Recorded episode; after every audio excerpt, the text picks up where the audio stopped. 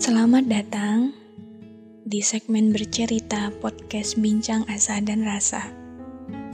Segmen ini adalah segmen baru yang dibuat khusus untuk membagi cerita mereka tentang kehidupan.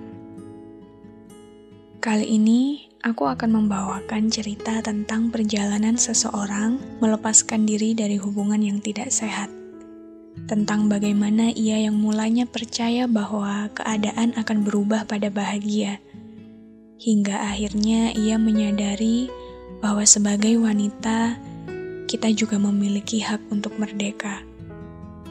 Dari perjalanan Nadia Safira, selamat mendengarkan. Aku udah pacaran sama mantan aku kurang lebih empat tahunan. Awalnya dulu dia deketin aku cuman buat iseng-isengan aja. Tapi ternyata lama-lama dia nyaman sama aku, walaupun waktu itu nggak langsung aku respon. Aku juga nggak tahu sih kapan tepatnya kita jadian. Ya bisa dibilang hubungan kita itu hubungan tanpa status. Sampai setahun berjalan kita masih baik-baik aja. Dia juga udah main ke rumah aku dan kita udah ngenalin diri ke orang tua masing-masing. Mungkin masalah ada, cuman ya sekedar masalah kecil. Waktu itu, hubungan aku sama dia terkenal yang tenang-tenang aja gitu. Kita nggak pernah ada masalah yang serius banget, sampai suatu hari, aku pernah break sama dia beberapa hari aja sih, gara-gara dia yang sikapnya terlalu care sama temanku sendiri. Kita break beberapa hari yang aku pikir, oh dengan gini kayaknya dia bakal sadar kesalahannya Walaupun ternyata hasilnya nihil, dia tetap kayak gitu. Mungkin ada beberapa orang yang nganggep sikapku waktu itu kekanakan, tapi walaupun dulu aku masih anak SMA, jujur aja, kalau aku deket sama cowok, maunya serius, gak mau yang main-main. Awal-awal masalah aku sama dia itu waktu kelas 12. Ingat banget waktu itu ujian semester 1, dia udah main sama cewek lain di belakang aku. Dan kamu tahu, sebelum masalah itu terjadi, aku pernah cerita ke dia kalau aku gak suka sama cewek itu gara-gara dia adik kelasku yang suka caper sana-sini dan udah jadi bahan omongan satu jurusan. Bodohnya, ternyata waktu itu yang aku ceritain malah selingkuhan cowok aku sendiri. Dan mereka udah pacaran sekitar sebulanan. Parahnya semua orang tahu hubungan mereka kecuali aku, sahabat-sahabat aku, teman-teman sekelasnya dia. Semua udah tahu tapi nggak ada yang berani bilang ke aku. Mungkin karena waktu itu aku sama mantanku bener-bener kayak nggak pernah ada masalah dan baru itu ada masalah yang ribet banget. Sampai akhirnya suatu hari aku didudukin sama sahabat-sahabat aku dan waktu itu perasaan aku udah bener-bener gak enak kayak wah ini pasti ada yang gak beres nih Soalnya beberapa hari sebelum itu dia sering banget waktu aku telepon selalu berada di panggilan lain. Dan ternyata bener dong feeling aku selama ini. Sahabat-sahabat aku pada ngasih tahu aku cetanya dia, foto-fotonya mereka berdua.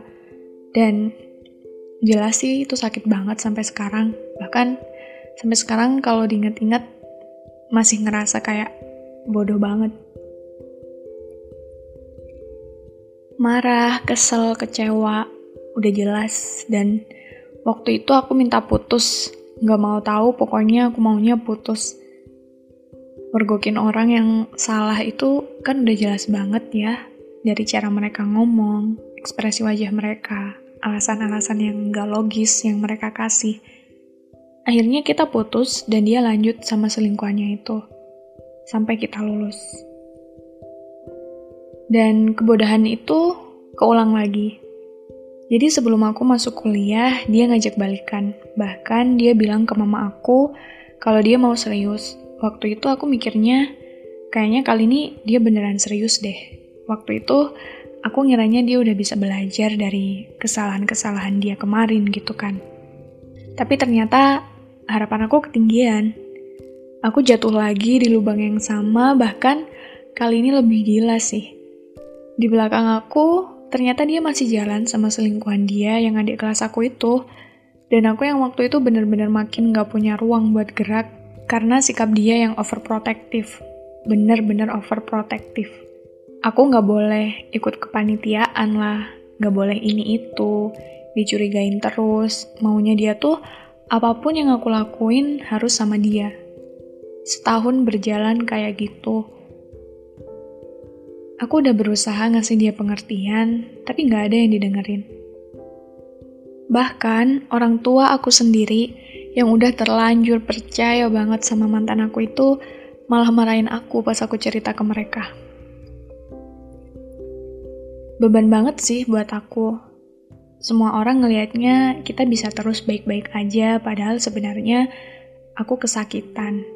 Dan dalam kondisi yang seperti itu, Aku terus-menerus ngeyakinin diri aku sendiri kalau suatu hari dia pasti bakal ngerti, suatu hari dia pasti bakal berubah, terus kayak gitu. Tiap kali aku ngerasa sakit, kecewa, mau marah, aku selalu bilang ke diri sendiri kalau kita pasti bakal sampai di titik semua bakal bahagia, semua bakal baik-baik aja. Sampai pada suatu hari keadaannya bener-bener kacau, waktu itu dia nggak cuma ngelakuin hal-hal yang kayak sebelumnya, tapi kali ini bener-bener bikin aku sakit dan aku udah nggak bisa maafin dia lagi. Waktu itu aku masih nggak punya keberanian buat ngelindungin diri aku sendiri, nggak punya cukup keberanian buat nyelamatin diri aku sendiri. Akhirnya yang aku lakuin cuma minta ke Tuhan kalau emang dia bukan yang baik buat aku, tolong dijauhkan, tolong secepat mungkin dijauhkan. Dan bersyukur banget Gak lama setelah itu kita benar-benar dijauhin. Dan saat itu akhirnya aku punya cukup keberanian buat putus dari dia. Buat ngelindungin diri aku sendiri, buat menyelamatkan perasaan aku sendiri. Waktu itu aku punya cukup keberanian. Aku berharap banget dia dapat cewek yang baik buat dia, dan berharap banget dia nggak lagi ganggu kehidupan aku yang sekarang. Pesanku buat orang-orang di luar sana yang mungkin lagi di fase kayak aku yang dulu, Tolong jangan takut buat ngomong duluan kalau kalian udah gak nyaman sama pasangan kalian. Itu hak kalian. Jangan takut diancem ini itu dan jangan maksain ngomong masih sayang padahal hati udah gak mau sama dia lagi. Oh iya, please juga jangan takut gak laku karena kalian cantik di mata cowok-cowok yang tepat di luar sana.